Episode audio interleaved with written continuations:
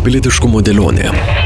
FM99 laidos apie tai, kas vyksta aplink, apie karo pasiekmes Lietuvai ir pasauliui, pilietinės visuomenės svarbą, dezinformaciją ir gebėjimą ją pažinti, kultūros įtaką, kuriant imperialistinę visuomenę ir kaip išlikti atspariems išorės grėsmėms. Klausykite. Kodėl taip mažai pažįstame ukrainietišką kultūrą? Kodėl ukrainiečiams vis dar reikia kurti savo didelės ir galingos šalies identitetą? Kodėl tai, kas ukrainietiška, laikoma nacionalizmu? Kur dingo Ukrainos kultūra ir kūrėjai? Šiandien apie tai laidoje pokalbis su ukrainiečių istoriku eseistu profesoriumi Andrijumi Portnovu. FM99 eterija antradienį 10.30, kartojama ketvirtadienį, šeštadienį ir sekmadienį. Laidą surasite ir FM99 radio podcasto epizoduose bei YouTube kanale. Pilietiškumo dėlionė. Prie laidos finansavimo prisideda spaudos radio ir televizijos rėmimo fondas. Sveiki, prie mikrofono Vilija Kvedaraitė. Kokią reikšmę kare ir Rusijos agresijoje turi kultūra, kalba apie terminologijos ir teisingų žodžių svarbą.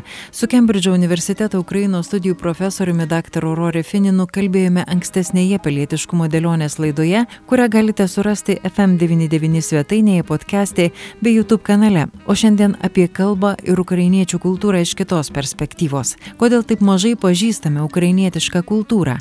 Kodėl ukrainiečiams vis dar reikia kurti savo didelės ir galingos šalies identitetą? Vietą, o viskas, kas ukrainietiška, tai yra nacionalizmas, kur dingo Ukrainos kultūra ir kūrėjai. Dažniausiai juos tiesiog pasisavino Rusija. Dideliai daliai Ukrainos kultūros buvo klaidingai užkabinta etiketė, kad tai rusų kūriniai. Plačiau apie tai šiandien laidoje pokalbis su ukrainiečių istoriku ir eseistu Berlyno Humboldt universiteto profesoriumi Andrei Portnov. Garsus mėgiamas ir vis dar nutinkantis posakis - nereikia painioti sporto ar kultūros su politika. Tačiau Rusija meta tam milžiniškus pinigus - kurti Rusijos įvaizdį per sportą ir kultūrą. Rusijai buvo leista renkti 2014 m. olimpinės žaidynės po Krymo aneksijos praėjus vos keliams mėnesiams, taip pat ir pasaulio taurė 2018-aisiais. Taip jie gavo signalą, kad gali išlipti iš balos sausi bet kokiamis sąlygomis. Palaiminimas pulti Ukrainą gautas.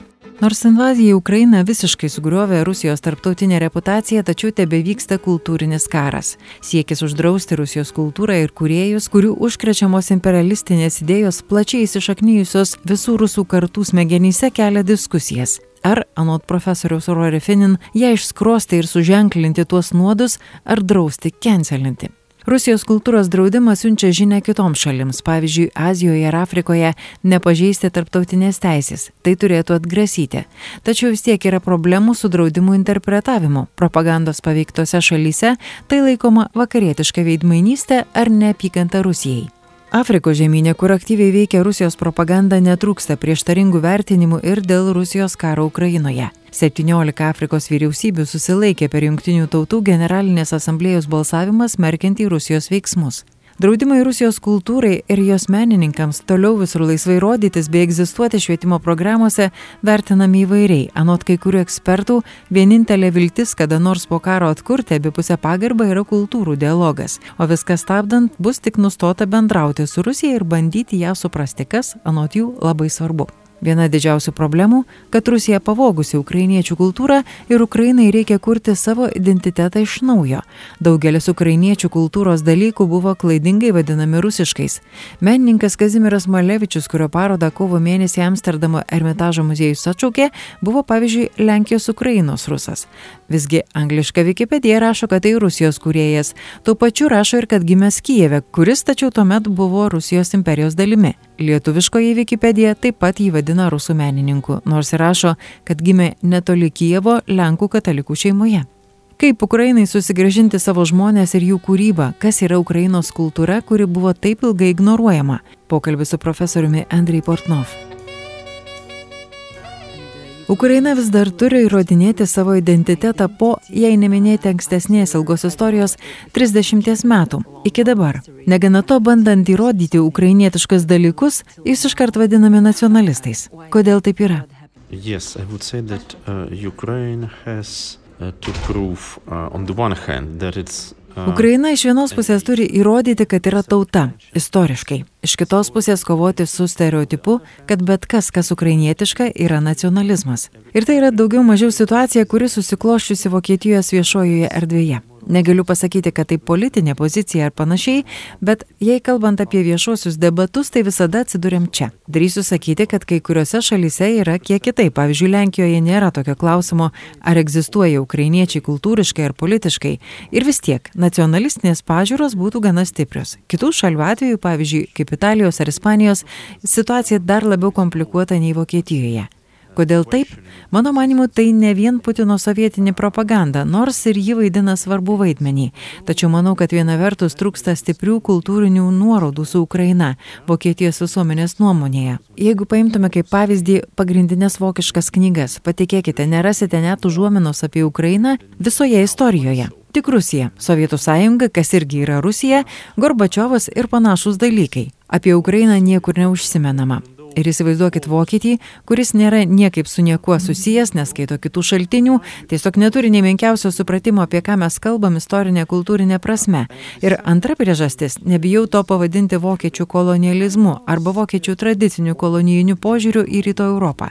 Ir tai ne tik apie Ukrainą, bet taip pat apie Lenkiją, Baltarusiją, Lietuvą, Bet ne apie Rusiją. Rusija yra išimtis. Rusija turi specialią vietą kaip imperija, didelė politinė žaidėja ir panašiai. Bet visos šalys tarp Vokietijos ir Rusijos, jos vis dar labai dažnai matomos kaip šalys tiesiog tarp Berlyno ir Maskvos. Ir ta kombinacija vokiško kolonializmo ir rusiškos propagandos sukuria tikrai problemišką ir sudėtingą situaciją. Berlin and Moscow. And this combination of German colonialism and Russian propaganda makes the situation truly mm. problematic and difficult. Galbūt tai priežastis, bet visi tie nacionalistiniai dalykai, vadinimai banderovcais ir panašiai, kai kuriuose šalyse tai pakankamai aišku. Pavyzdžiui, Lietuvoje mes puikiai suprantam, kas ir kodėl.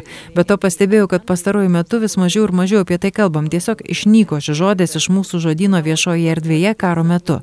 Bet vis tiek yra nuomonių, kokia situacija buvo Ukrainoje iki šio užpuolimo ir kad šalyje buvo juntama atskirtis tarp nacionalistų ir rusakalbių. Ukrainos rytų ir vakarų ir panašiai Ar tikrai, kaip tai vyko, ar tiesa, kad šis karas, ši paskutinė pilnos apimties karo fazė Ukrainą padarė viena vieninga tauta? No, this war, of course, changed a lot, and I'm sure that um, it will change even more because it's. Like, Šis karas daug ką pakeitė ir esu tikras pakeis dar daugiau, nes tai vykstantis procesas. Tad esu tikras, kad matysim dar daugiau pokyčių. Pokyčių, kaip ukrainiečiai priima ir mato patys save, Europą ir Rusiją. Ir žinoma, didžiausias pokytis, kad Rusija aiškiai rodo, jog ji nėra linkusi pripažinti Ukrainos teisę egzistuoti, kaip tautos, kaip kultūros ir panašiai. Grįžtant prie takoskiros, būtų būtų naivu ir klaidinga apsimesti, kad Ukraina yra visiškai homogeniška. Tai didžiulė šalis, savo teritorija didesnė už bet kurią ES valstybę. Ši teritorija yra komplikuotos istorijos rezultatas, kas reiškia, kad pavyzdžiui pirmą kartą tokie miestai kaip Lvivas ar Ivano Frankivskas iš vienos pusės, ar Donetskas, Odesa iš kitos pusės galėjo būti vieno politinio vieneto dalimi tik per antrą pasaulinį karą. Tada buvo sovietų okupacija 1939 ir tada vėl 1945. Tai be abejo nereiškia, kad iki tol nebuvo bendros istorijos. Buvo keletas situacijų, bet ši didžiulė teritorija yra rezultatas tam tikro geopolitinio vystimosi jau 20-ame amžiuje. Yra skirtumai ne tik kalbos, bet ir religijos. Ukrainoje mes turime dvi didelės ortodoksų konfesijas, viena vis dar tiesiogiai susijusi su Maskva, kita nebesusijusi visai.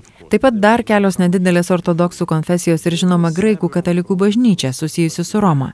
Tad vien tik religiniu pagrindu turime keturis didelius žaidėjus ir ta sudėtinga struktūra turi istorinės atmintis. Mano manimu, tai ne tik pastarųjų įvykių efektas, o apskritai Ukrainos bendras vystimasis nuo 1991-ųjų. Visi tie skirtumai, jie turi ir gali būti priimami ne kaip priežastis prieš priešai ar konfliktui, bet kaip kažkas, kas daro Ukrainą stipresnė. Kodėl? Nes Ukraina tikrai skirtinga, bet negalima nubrėžti paprastos geografinės linijos tarp rusakalbių ir kalbančių ukrainietiškai. Gana dažnai ta neegzistuojanti linija būtų tarp miesto ir kaimo, kaip mano gimtajame Dnipro regione. Mes turime rusakalbių dominuojamus miestus ir ukrainietiškai kalbančius kaimus. Bet negali pasakyti, kad štai ši šalies dalis kalba rusiškai, o ši ukrainietiškai. Jokių būdų. Tai daug labiau sudėtinga. Situacija dar sudėtingesnė įmant kalbą. Žmonės persijungia iš vienos kalbos į kitą priklausomai nuo situacijos, kurioje jie tuo metu yra. Ir tai pritaikoma labai daugeliu kitų faktorių. Štai kodėl tai viena iš didžiausių Putino klaidų. Ir tai aišku mums visiems gerai, kad jis tą klaidą padarė. Jis nepakankamai įvertino Ukrainos vienybę ir pervertino tuos skirtumus. Jis tikėjosi, kad karinė agresija iškart išardys Ukrainą iš vidaus, nes vieni žmonės prorusiški, kiti proeuropietiški, vieni kalba rusiškai, kiti ne. Jie ims tarpusavyje kovoti. Ir taip nenutiko. Visi matėm tuos video, kai Rusijos armija įžengė į Černyhivo regioną, į Harkivo regiono Hersoną. Jie nebuvo sutikti kaip išlaisvintojai, net jei kalbama apie regionus, kur dominuoja rusakalbiai gyventojai. Tad jis padarė tą didžiulę klaidą - laimiai. Bet ši klaida paremta mano manimu ta klaidinga prielaida, kad tie skirtumai Ukrainos viduje, kad jie yra didžiuliai ir esminiai. Manau, taip nėra, net atvirkščiai. Jie daro Ukrainą stipresnę, taip pat ir šiame kare. Nes kitaip, jei turėtume tik vieną aiškiai apibriežtą identitetą, galėtum žaisti kitą kortą daug lengviau. Galėtum sakyti, visi rusakalbiai gyventojai turi stoti prieš ir panašiai. O to negali pasakyti, nes dauguma rusakalbių palaiko Ukrainą, yra Ukrainos kariuomenėje. Ukrainoje mes turim politikus, kurie save vadina radikaliais Ukrainos nacionalistais tekstais ir jie nekalba gerai ukrainietiškai. Tai gana įdomu, nes Lenkijoje ir Lietuvoje nerastum politikų, kurie save vadintų nacionalistais, bet nekalbėtų lietuviškai ir lenkiškai. Bet Ukrainoje tai įmanoma. Ir tai labai įdomu, nes ši įvairovė, mano manimu, padėjo Ukrainai išgyventi. Kitas klausimas, kas nutiks šią įvairovį po karo. Pamatysim. Bus didelė diskusija, daug kovų ir permainų, tačiau aš nematau to vien tik tragiškai, atvirkščiai. Tai mano manimu suteikia vilties. After the end of the war we'll see. It will be like a big, of course, discussion and big, let's say, new arrangement. But I do not see it in a, you know, in a hopeless or, or tragic way. On the mm. contrary, it, it gives hope, in my view. Kalbant apie asmenybės ir žmonės, kuriuos žino visas pasaulis. Šekspyrą mes žinom visi, žinom su kuo tai identifikuojama. Niekas nežino žymių ukrainiečių. Jie asimiliuoti, asocijuoti su Rusija ar dar kažkuo. Vėl identiteto, kultūrinio identiteto trūkumas. Yes, so, again in, in, in yeah. Yeah, that, Ypač vakarų right. Europoje. Tai tiesa. Tai, ką aš nuolat jaučiu, kad Ukrainai trūksta tos aiškios kultūrinės identifikacijos. Ir jei net kai kurie žmonės tikrai žinomi kaip, pavyzdžiui, Gogolis ar Dovženka, jie priskiriami rusiškai kultūrai. Tai nutinka automatiškai net nesusimastant. Dėl to Ukraina turėtų žaisti ir šią kultūros kortą, ką aš darau dėstydamas Vokietijoje. Aš sakau, žiūrėkit, mes turim daug jau XIX amžiaus ukrainiečių rašytojų, kurie rašė pavyzdžiui abiem kalbom - vokiškai ir ukrainietiškai, kaip Oleha Kobolenska puikiai rašytoja. Ir tai padėtų. Padėtų tiesiog parodyti akivaizdžius dalykus. Lyg ir akivaizdu, bet reikia parodyti, kad Ukraina turi savo kultūrą. Ir nebuvo taip, kad Ukrainai langas į vakarus buvo Rusija. Tai netiesa. Nes tam tikrų istorinių periodų tai buvo Lietuva, kitų laikotarpių Lenkija, taip pat buvo tiesioginis Ukrainos kultūros dialogas su vokiečių, prancūzų, britų ir kitomis kultūromis. Rusija šį vaidmenį ėmė vaidinti tik XIX amžiuje dėl savo imperinės politikos. Ir jeigu sugebate susijęti Ukrainą su Rusija vien tik toje, toje rusiškoje istorinėje erdvėje, matom, kad Ukrainos istorija daug labiau kompleksiška ir daug labiau europietiška, negu daugelis žmonių galvoja. Problema, kad nėra ukrainietiškų autorių vertimų. Yra daug puikių ukrainiečių rašytojų, kurie neišversti į jokią užsienio kalbą. Tad tai yra didelė užduotis, kurią reikia atlikti, bet aš tikiuosi, kad bent dabar reikalai pasitaisys. There are a lot of great Ukrainian writers who are not translated into any language really. So that's a huge task uh, to yeah. be done. But I, I hope, of course, I still hope that it will improve now. Mm. Kiek laiko jūs gyvenate Vokietijoje? Uh, Dešimt metų. Ar jaučiatės, kad žinote viską, kas ten vyksta, ar nejaučiat, kad jūsų požiūris gali būti labiau vakarietiškas? It's of course difficult to judge uh, yourself, mm. but uh, I should tell you quite frankly, and I'm also trying to say to German journalists. Sunku save vertinti, bet galiu atvirai pasakyti tą patį, sakau vokiečių žurnalistams. Aš tikrai jaučiu, kad būnant daugiausiai už Ukrainos sienų, ypač dabar, apriboja supratimą ir informacijos kiekį. Tad žinoma, aš skaitau visą įmanomą informaciją, kalbu kasdien su kolegomis, kurie tebėra skirtingose Ukrainos vietovėse, tačiau aš neapsimesiu, kad tikrai jaučiuosi taip pat kaip prieš dešimt metų, kai dar gyvenau ten. Dar daugiau, pasakyčiau, kad galbūt Galbūt tai tik hipotezė, kad dėl to, kad aš gyvenu daugiausiai svetur, dėstydamas rytų Europos studijas, aš turiu mažiau emocingą požiūrį į vykstantį karą. Nes šis karas, tai kas vyksta mano šalyje, mano žmonėms, mano šeimai, bet aš vis tiek ne, niekada nepatyriau to tiesiogiai savo kailiu, aš niekada nebuvau bombarduojamas. Būtent dėl to aš labai prašau savo vokiečių kolegų rodyti supratimą ir empatiją tiems ukrainiečiams, kurie dabar taip reiškia savo emocijas. Tikrai yra žmonių, kurie negali net normaliai kalbėti apie Rusiją, Rusijos kultūrą, nes tai asmeninė trauma. Jie asmeniškai patyrė šią baisę genocido politiką. Mano pozicija yra keistoga, nes iš vienos pusės aš vis tiek esu už Ukrainos sienų. Kita vertus, dėl kalbos, savo istorijos, interesų, kultūros aš esu dalis to. Ir tai yra ypatingai iš abiejų pusių. Galima taip pasakyti.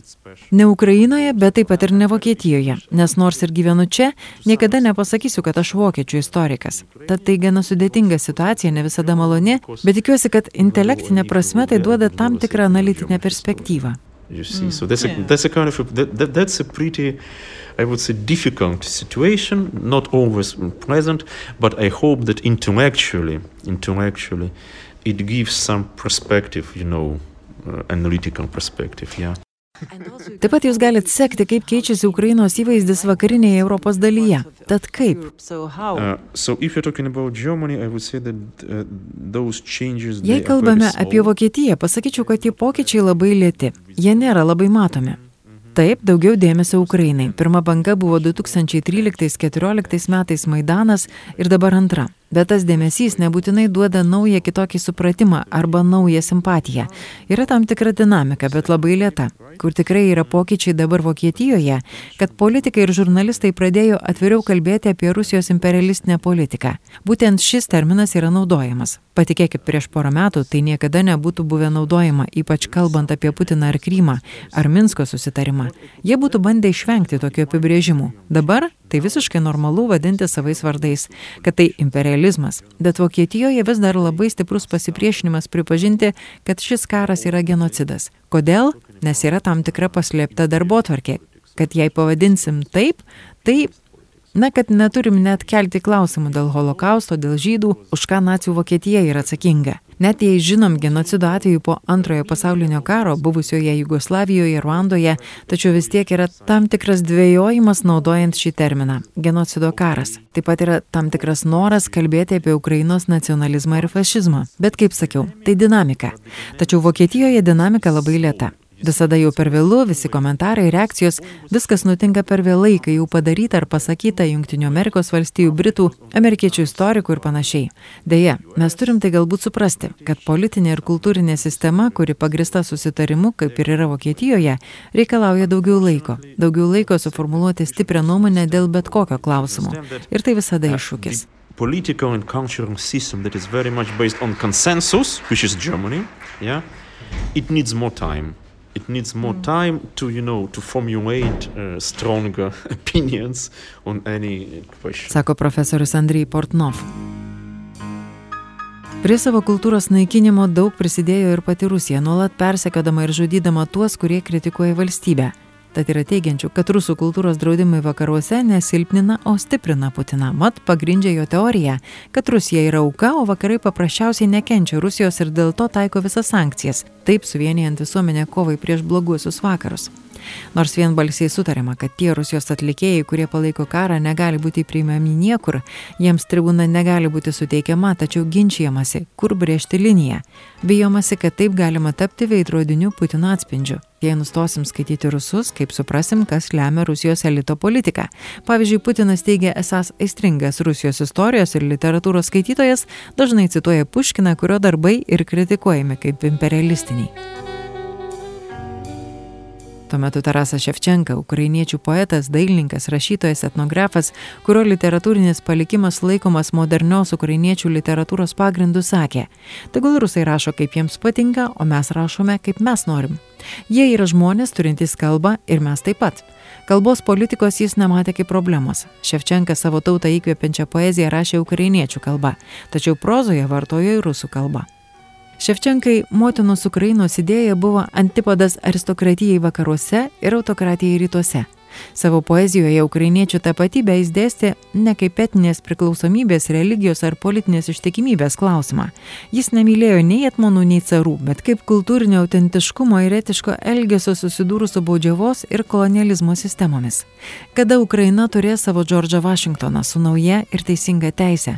Klausė Tarasas Ševčenka. Šiandien tiek. Ukrainiečių istoriką eseistą Berlyno Humboldto universiteto profesorių Andrei Portnov kalbino Vilija Kvedaraitė. Visas pilietinės dėlionės laidas galite surasti radio stoties FM99 interneto svetainėje, FM99 radio podcast epizoduose bei YouTube kanale. Klausykite ir prenumeruokite.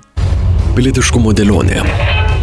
FM99 laidos apie tai, kas vyksta aplink, apie karo pasiekmes Lietuvai ir pasauliui, pilietinės visuomenės svarbą, dezinformaciją ir gebėjimą ją pažinti, kultūros įtaką, kuriant imperialistinę visuomenę ir kaip išlikti atspariems išorės grėsmėms. Klausykite FM99 eteryje antradienį 10.30, kartojama ketvirtadienį, šeštadienį ir sekmadienį. Laidą surasite ir FM99 radio podcast'o epizoduose bei YouTube kanale. Pilietiškumo dėlionė.